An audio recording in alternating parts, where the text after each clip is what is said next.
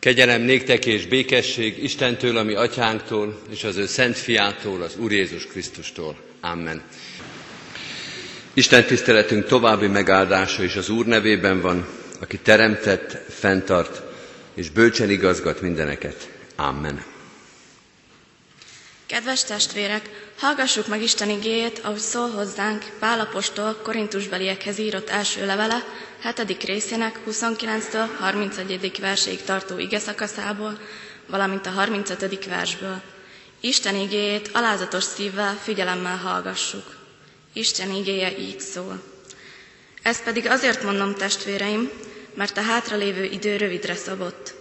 Ezután tehát azok is, akiknek van felesége, feleségük, úgy éljenek, mintha nem volna, és akik sírnak, mintha nem sírnának, akik pedig örülnek, mintha nem örülnének, akik vásárolnak valamit, mintha nem volna az az övék, és akik a világ jövőival élnek, mintha nem élnének vele, mert e világ ábrázata elmúlik. Ezt pedig éppen a ti javatokra mondom, nem azért, hogy törbe csaljalak, hanem hogy fetetetlenül élhessetek, és osztatlan szívvel ragaszkodjatok az Úrhoz. Ámen. Isten szent lelke tegye áldásra szívünkben az igét, és adja, hogy annak ne csak hallgatói, hanem befogadói és megtartói is lehessünk. Hajtsuk meg a fejünket és imádkozzunk. Könyörülő Istenünk, kérünk téged, hogy igéd legyen most is világosság előttünk, és világosság a szívünkben is, és egész életünkben. Hogy megismerjünk téged, a te jelenlétedet és szeretetedet, a te akaratodat, hogy ismerjük, mi az, ami szerinted való, és mi az, ami ellenedre való. Teremts bennünk tisztaságot és békességet, hogy a világ zűrzavarában, a világ sokszor kavargó, felismerhetetlen dolgai között megismerjük és felismerjük a Te hangodat, és legyen erőnk azt követni. Minden pillanatban és minden helyzetben ezt kérjük. Van, amikor olyan biztosan és tisztán látjuk a Te akaratodat és jelenlétedet, és van, amikor akár a világ dolgai, akár a szívünknek az indulatai eltakarnak, elhomályosítják a Te jelenlétedet. Törd át ezt a homályt, mennyei atyánk most is, ami bűnből, tehetetlenségből, emberi gyarlóságból szövődik körénk, ami eltakar, amely megakadályoz, hogy hozzád menjünk. Törd át ezt a homályt, Urunk, és teremts világosságot az életünkben. Minden dolgunkat hadd vigyük végbe szeretetben, de tőled tanult és tőled kapott szeretetben. Minden dolgunkat hadd tudjuk hozzád vérni. Életünkben, döntéseinkben te légy a világosságunk, az útmutatónk. Így áldunk téged minden alkalomért, amikor meghallhattuk a szavadat, amikor tanítottál, amikor döntésre segítettél, amikor megvigasztaltál, amikor tovább lendítetted az életünket, pedig mi úgy éreztünk, hogy nincs erőnk, hogy nincs lehetőségünk, hogy nincs kedvünk tovább lépni, te új lehetőséget, új fejezetet nyitottál az életünkben. Hálát adunk ezért a megújító erőért. De hálát adunk azért is, amikor türelemre, megmaradásra, hűségre tanítottál minket.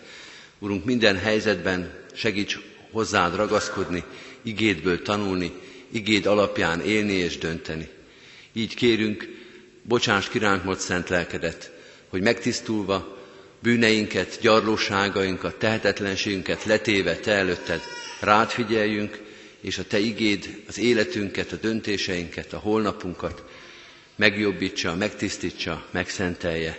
Így kérünk, légy itt közöttünk, nyisd meg a szívünket, az életünket a Te igéd és a Te lelked előtt. Amen. Kedves testvérek, készüljünk az Isten igének hirdetésére. A 450. dicséretünk első verszakát énekeljük most is, a hónap énekehez, 450. dicséretünknek az első verszaka így kezdődik, drága dolog az Úristent dicsérni, színe előtt kegyesen énekelni.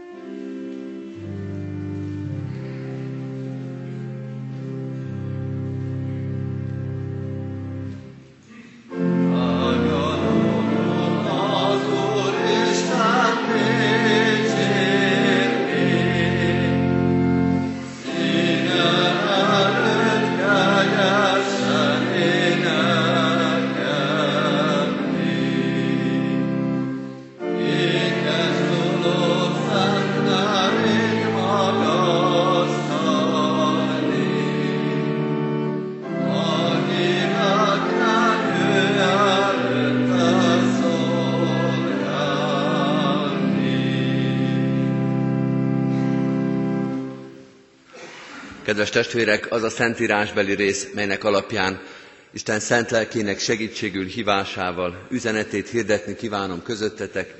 A zsidókhoz írt levélben van megírva a 13. rész 14. versében a következő képpen. Mert nincsen itt maradandó városunk, hanem az eljövendőt keressük. Eddig Istennek írott igéje, foglaljuk el a helyünket.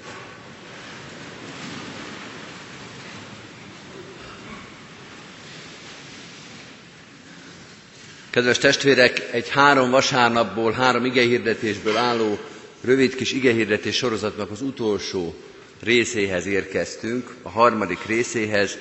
Ez az igehirdetés sorozat a menekültekről, erről az új népvándorlásról kívánt szólni, és szól most is ez alapján, az ige alapján.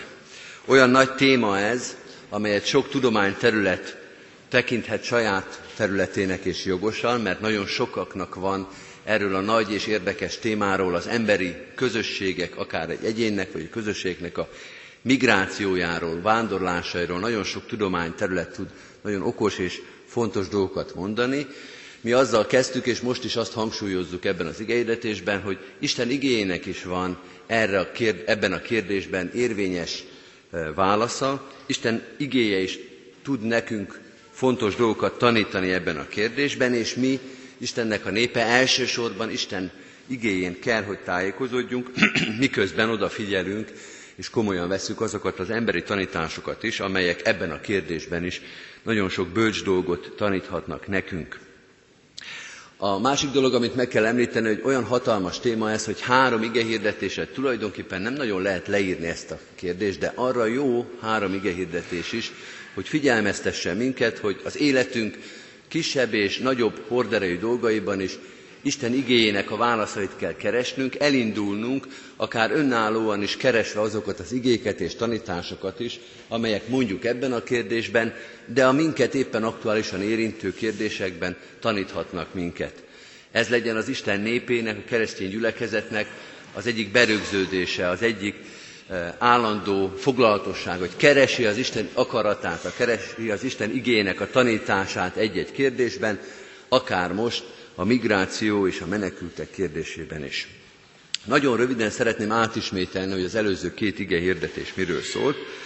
Az első két héttel ezelőtti prédikáció tulajdonképpen azt a fő tételt fogalmazta meg, hogy a népek helyét és idejét Isten rendeli és rendezi el ebben a világban. Van az Istennek akarata és szándéka és terve arra nézve, hogy a népek és a közösségek hol és mikor teljesítsék az Istentől kapott feladataikat.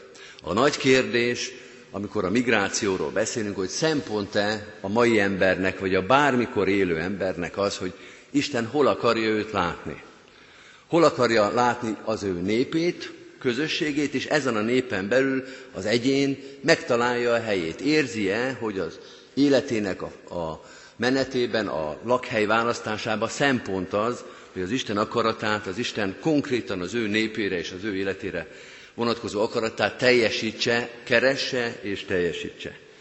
Megtalálhatjuk-e a helyünket, az Isten által kijelölt helyünket ebben a világban, vagy még általánosabban tudjuk-e az Isten akaratát cselekedni, például ebben a kérdésben. És vajon van-e esélyünk Isten segítsége nélkül az ő akaratát teljesíteni? Ebben a kérdésben is a migráció, a vándorlás, a lakhelyválasztás kérdésében is az igaz, hogy Istennek a segítségére szorulunk abban, hogy az erre vonatkozó akaratát teljesítsük. Hogy nem könnyű ott élni, ahova az Isten helyezett minket. Akár azért, mert háborúban és nyomorúság van, akár azért nem, mert éppen háború nincsen, nyomorúság nincsen, de más emberi próbatételek bizony megtalálnak minket békében és jólétben is.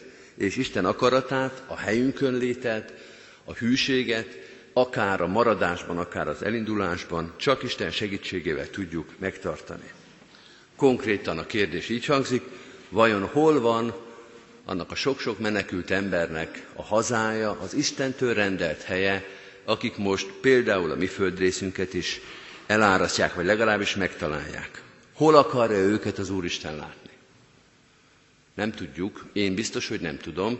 Egyet tudunk, egyet biztos tudunk, hogy nekünk segíteni kell őket, ha abban, hogy itt legyenek otthon, és itt legyen új hazájuk, akkor a befogadással, de ha azt akarja az Úristen, hogy térjenek vissza a hazájukba, és ott teljesítsék a tőlük kapott feladat, Istentől kapott feladatokat, akkor nekünk az a feladatunk, az az engedelmesség az Úristennel szembe, hogy segítjük őket hazatérni, hogy építsék újjá, vagy virágoztassák föl az összedőlt hazájukat és társadalmukat. A második kérdés, ami talán még érdekesebb, az, hogy mit jelent a jövevények befogadásáról szóló bibliai, sőt konkrétan Jézusi parancs. Jövevény voltam, és befogadtatok. Először is azt jelenti, hogy feltétlen, feltétel nélkül segíteni kell annak, aki rászorul a segítségre. Azt kell adni, amire szüksége van, az éhezőnek enni kell adni, a szomjazónak inni kell adni, és a harmadikként említett jövevényt be kell fogadni. Nincs feltételhez kötve, nincs személyhez kötve, nincs semmilyen külső dologhoz kötve ez a segítség. Annak, akinek itt kell maradnia, annak a befogadása segítség. De mit jelent a befogadás? Bibliai értelemben a befogadás az missziót jelent. A legtöbb, amit mi tudunk adni, a testvérünknek is, meg az idegennek is, az Jézus Krisztusnak a hite. Az Krisztusnak az evangéliuma. A Szentírásban, a Szentírási tanításban, akár ószövetségi tanítást nézzünk, akár újszövetségit, a befogadás az a kultuszi közösségbe való befogadást is jelenti. Az Ószövetségben az körülmetélkedés, az Új Szövetségben az keresztség. A kultuszi közösségbe, a hit közösségébe való befogadás, behívás nélkül a befogadás az keveredés. És az a Bibliában tilos. Az Ószövetségben is tilos, és az Új Szövetségben is tilos. Aki itt marad, annak azt tudjuk mondani, hogy gyere, mert Krisztus egyháza vár téged. A Krisztus egyháza vár. A Krisztus hite vár.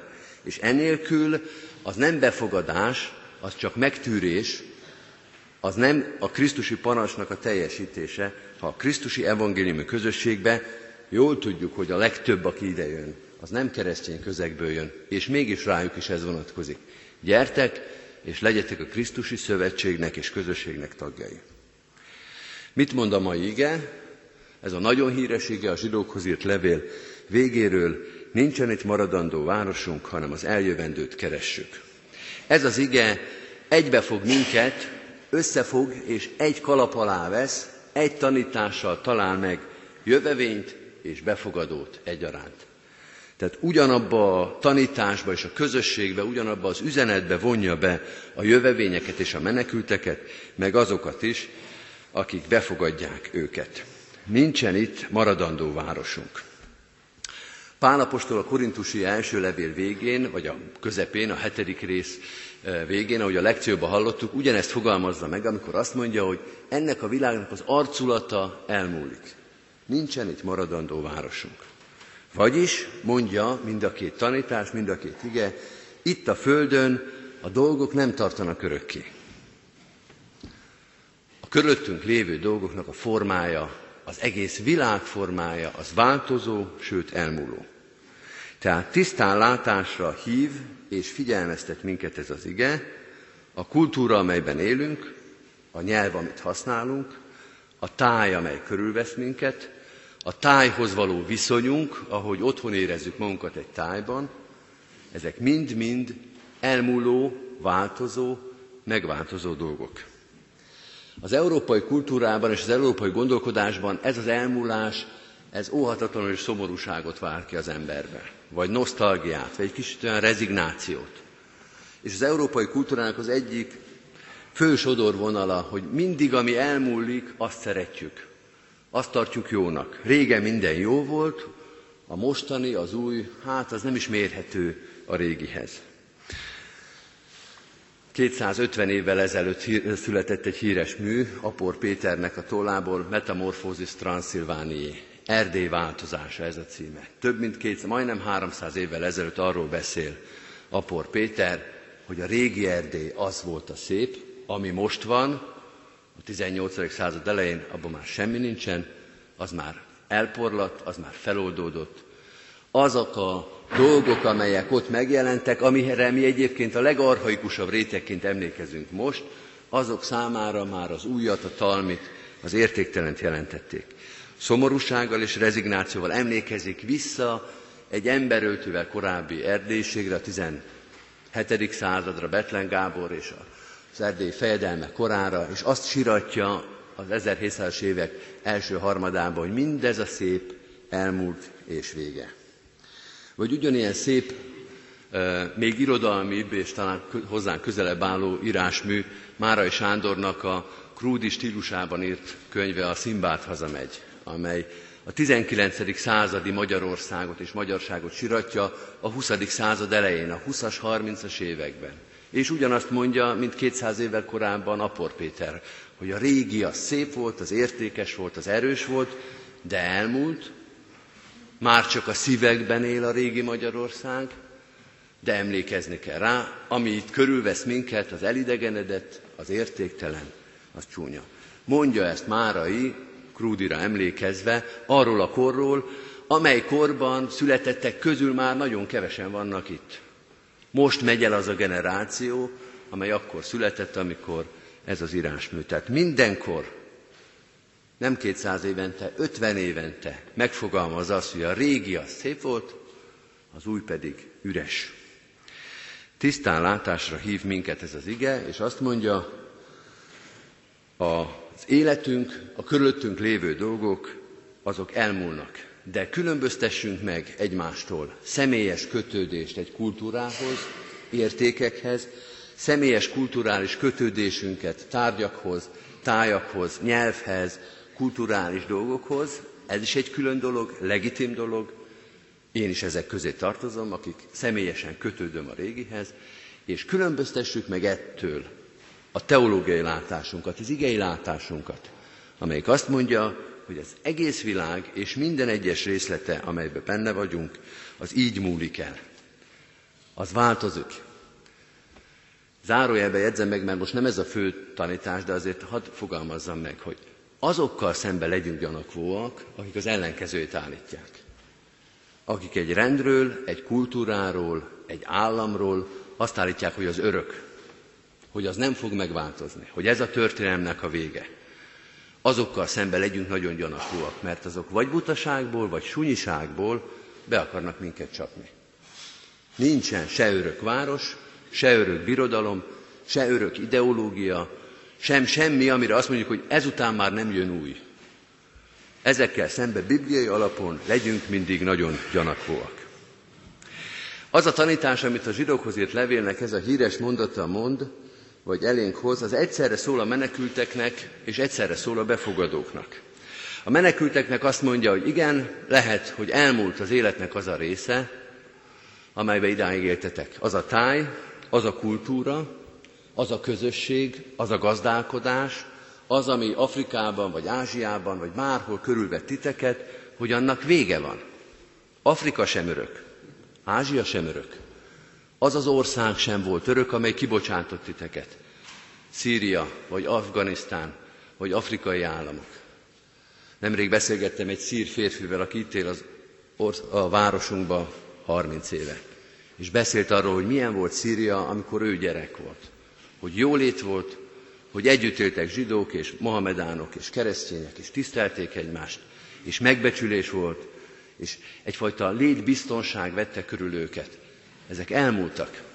Lehet, hogy azt mondja az Isten ezeknek az embereknek, hogy barátkozzatok meg azzal a gondolattal, hogy az, amit ti gondoltatok a hazátokról, a körülöttetek lévő kultúráról, az már a múlt, mert ennek a világnak a formája, az a formája elmúlt. És jön valami új. Jön egy Európa. Jön egy európai keresztény társadalom, és nektek ez lesz a jövőtök. De ugyanezt mondja a befogadóknak is hogy készüljetek fel arra, hogy az az Európa, az a Magyarország, amit ti ismertetek, az is elmúlik. Lehet, hogy most a sok bevándorló miatt változik meg. Hogy emlékszünk egy Magyarországra, emlékszünk egy Európára, mint keresztény földrészre, mint keresztény társadalomra, emlékszünk, hogy milyen volt az ország, vagy a városaink, vagy a falvaink, milyenek voltak a 60-as, 70-es, 80-as években, de ez is elmúlik úgy múlik el, ahogy talán nem gondoltuk volna. Nem gondoltuk, hogy ez fogja megváltoztatni. De elmúlnak ezek a formák, mind ahogy elmúlt az első világháború előtti Magyarország. Elmúlt a második világháború előtti Magyarország. Elmúlt az 56 előtti, vagy a 89 előtti. Pedig ezekben nem ez a külföldi migráció volt a nagy nyomás, és azok is elmúltak, hogy a régebbiekről nem is beszéljek. A török világról, a tatárokról, az ellenreformációról, a reformációról. Ezek mind-mind hatalmas változások voltak, és az az Európa és az a Magyarország is ennek a változó világnak a része, az elmúló világhoz tartozik, amelyet megismertünk, és ami most talán egy ilyen menekült hullámmal változik meg. Sokan vannak ma Magyarországon, akik ettől félnek. Hogy beáramlik ide ez a nem is tudjuk honnan jövő, nem is tudjuk milyen kultúrájú tömeg, és mindent megváltoztat, ami Európa volt és Magyarország.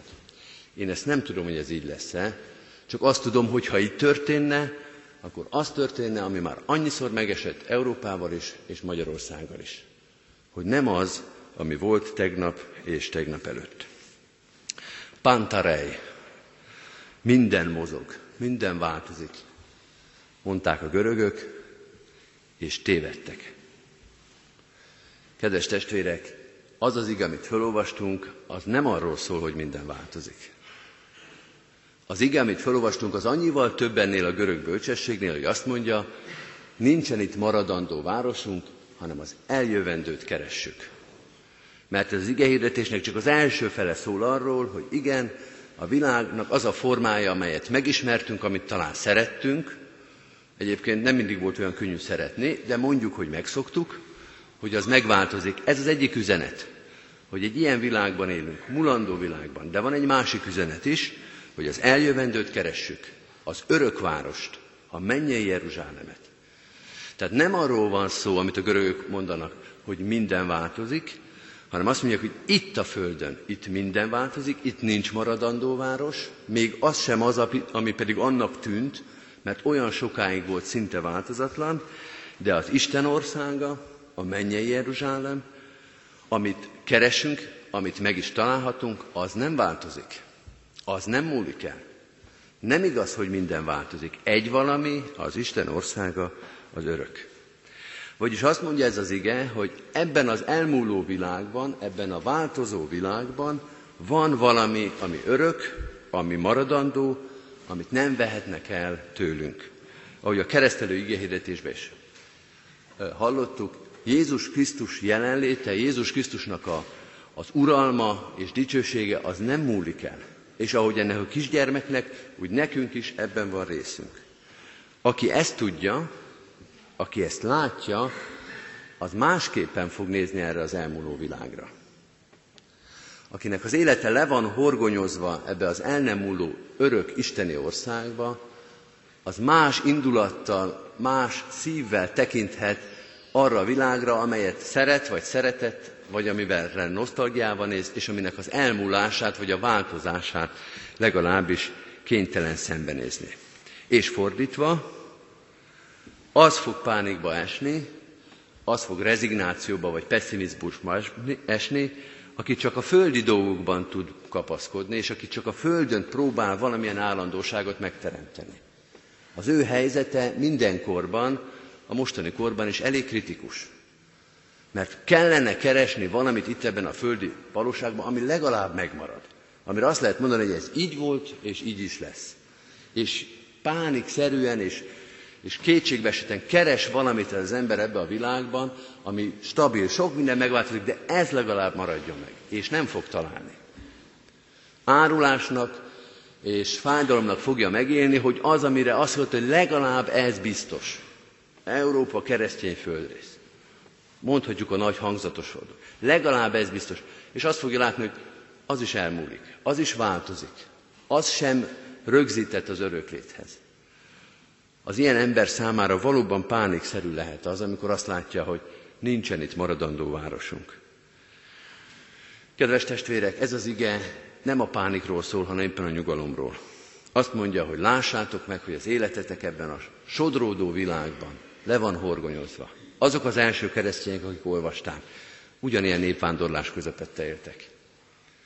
Ugyanezt élték meg. Azt se tudjuk tulajdonképpen, hogy honnan jöttek, hol tartottak, hol éltek, hanem azt látták, hogy az élet, a római birodalom az a szemük láttára málik szét, hogy nem az, ami volt régen.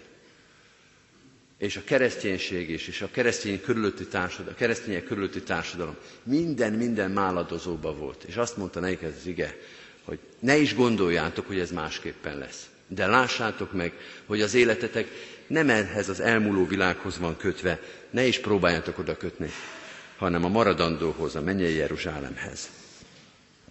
Mit mond tehát ez az ige a népvándorlás korában, ha most népvándorlás kora van? Először is azt mondja, hogy az történik, ami mindig is történt. Változik a világ, most éppen egy ilyen migrációs hullám van, de máskor meg más van. És ha ez most nem lett volna, akkor más miatt változott volna a világ. És erre mi mondhatjuk, akár migránsként olvassuk ezt az igét, itt Kecskeméten, mert ide jöttünk, vagy valahol Európába, ahova elmentünk, mondjuk Kecskemétről, akkor azt mondhatjuk, igen, ezt tudtuk. Zsidó 13-14, 1 Korintus 7-31, le van írva, megtanultuk, elmúlik-e világnak az ábrázatja. Nincsen itt maradandó városunk, tudjuk. Hálaadással gondolhatunk azokra a dolgokra, amelyeket korábban kaptunk az Úristentől. Szeretettel gondolhatunk rá, megőrizhetjük azt, ami a szívünknek kedves. Rengeteg lehetőségünk van arra, hogy ezekből a dolgokból megőrizzünk dolgokat. Ezek össze vannak gyűjtve. Én a 80-as években voltam néptánccsoportnak a tagja, és nagyon nehezen lehetett hozzájutni azokhoz a 60-as, 70-es években készített gyűjtési filmekhez és hanganyagokhoz, amelyekből tanultuk a táncokat. Egy-egy embernek volt valamilyen rossz VHS kazettán, egy-egy ilyen erdély gyűjtés. Most bármikor fölmegyek a YouTube-ra és megnézem. Kincses tárháza van a, a magyar kultúrának azon a világhálón, ami egyébként sok butaság is van, de bármikor meg lehet találni. Meg kell őrizni, ragaszkodni kell hozzá. De tudni kell, hogy ezek elmúlnak, ezek a dolgok. Hálaadással és szeretettel kell gondolni rá, és kritikusan, de nyitottan figyelni arra, hogy mi következik. Mert az Úristen lehet, hogy ezen keresztül akar nekünk sok dolgot adni. Hogy úgy vagyunk egy kicsit, mint Ábrahám a korábbi történetekben, hogy egy új világba kell neki megtanulni valamit, amit Háránban nem lehetett megtanulni. Amit a szülőföldjén nem tudott megtanulni, azt az Úristen egy idegen országban, egy új helyen, egy új helyzetben, egy megváltozott világban tanította meg. Nagy kár lett volna, hogyha ebből Ábrahám nem részesül, ha erről nem marad. Tehát így fogadni azt, amit az Úristen hoz. Pánikra nincsen ok, mondja a zsidókhoz írt levél. Ha tényleg látjuk, hogy az életünk bele van betonozva, le van horgonyozva abba az eljövendő világba, akkor hiába változik körülöttünk a világ, mint szegény Apor Péter körül a 18. századi Erdélyben, azt mondhatjuk, egy biztosan megmarad nekünk. Ez a kapcsolat, ez az Isten országa, amelyet bármelyik országból, bármelyik városból, bármilyen élethelyzetből elérhetünk. Ezzel a reménységgel, ezzel a hálaadással és ezzel a hűséggel gondoljunk Istennek sok-sok ajándékára, amit eddig és amit ezután ad nekünk. Amen. Válaszoljunk Isten igére fennállva és énekelve a 272. dicséretünket, 272. dicséretünknek az első verszakát énekeljük most, és majd az Isten tisztelet végén a további verszakokat. Mind jó, amit Isten tészen, szent az ő akaratja.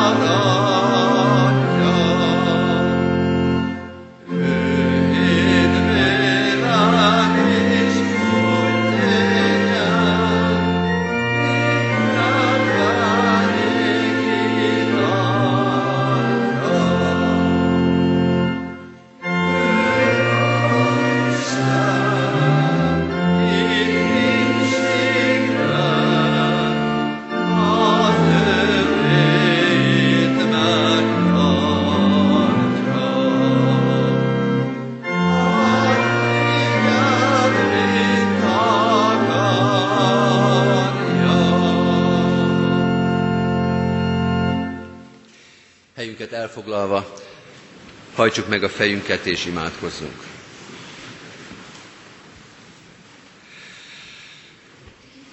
Könyörülő Istenünk, mennek és földnek és történelmnek Ura, lásd meg az életünket, a gondjainkat, a reménységünket itt ebben a sodródó, forgandó világban. Te hozzád kötjük az életünket, és Te hozzád kötjük népünk, nemzetünk, egész emberiségünk történelmét.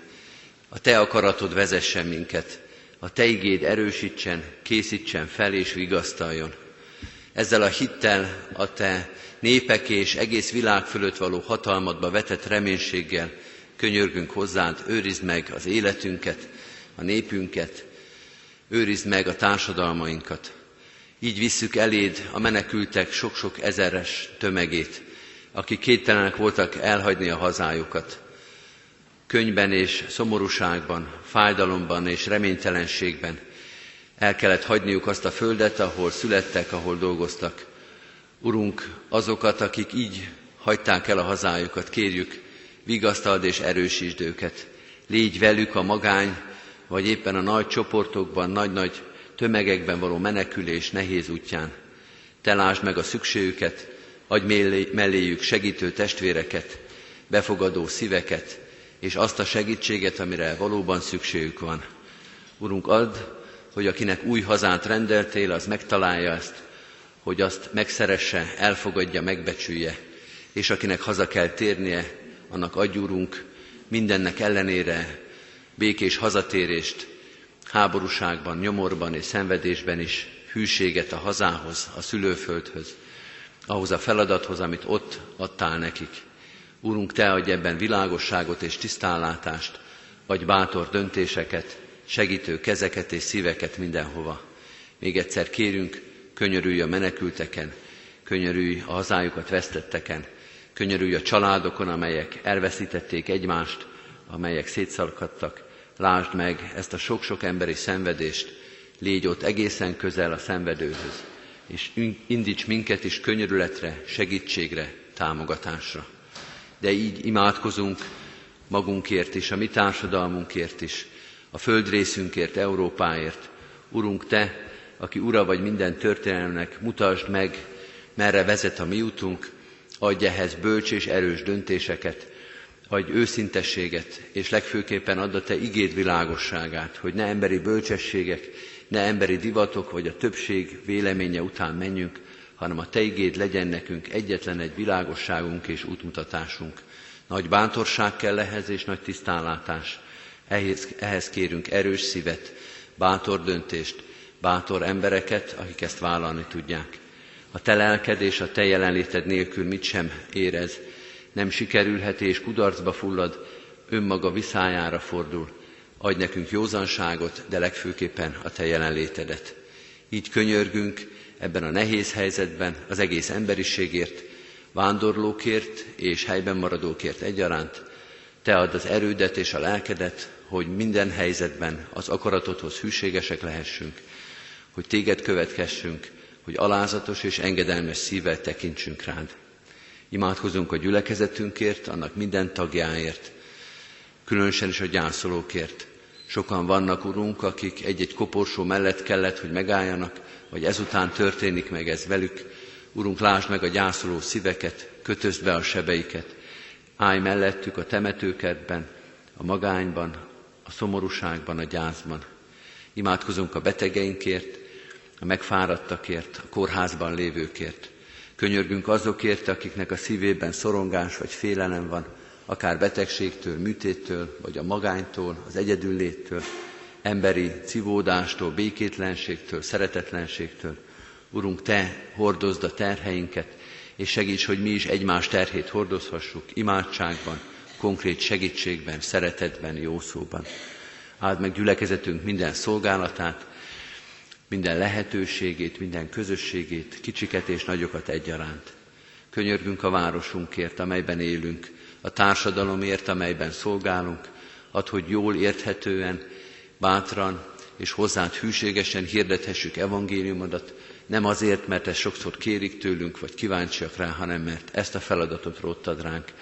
Ad, hogy hű tanúid és apostolaid lehessünk ebben a világban.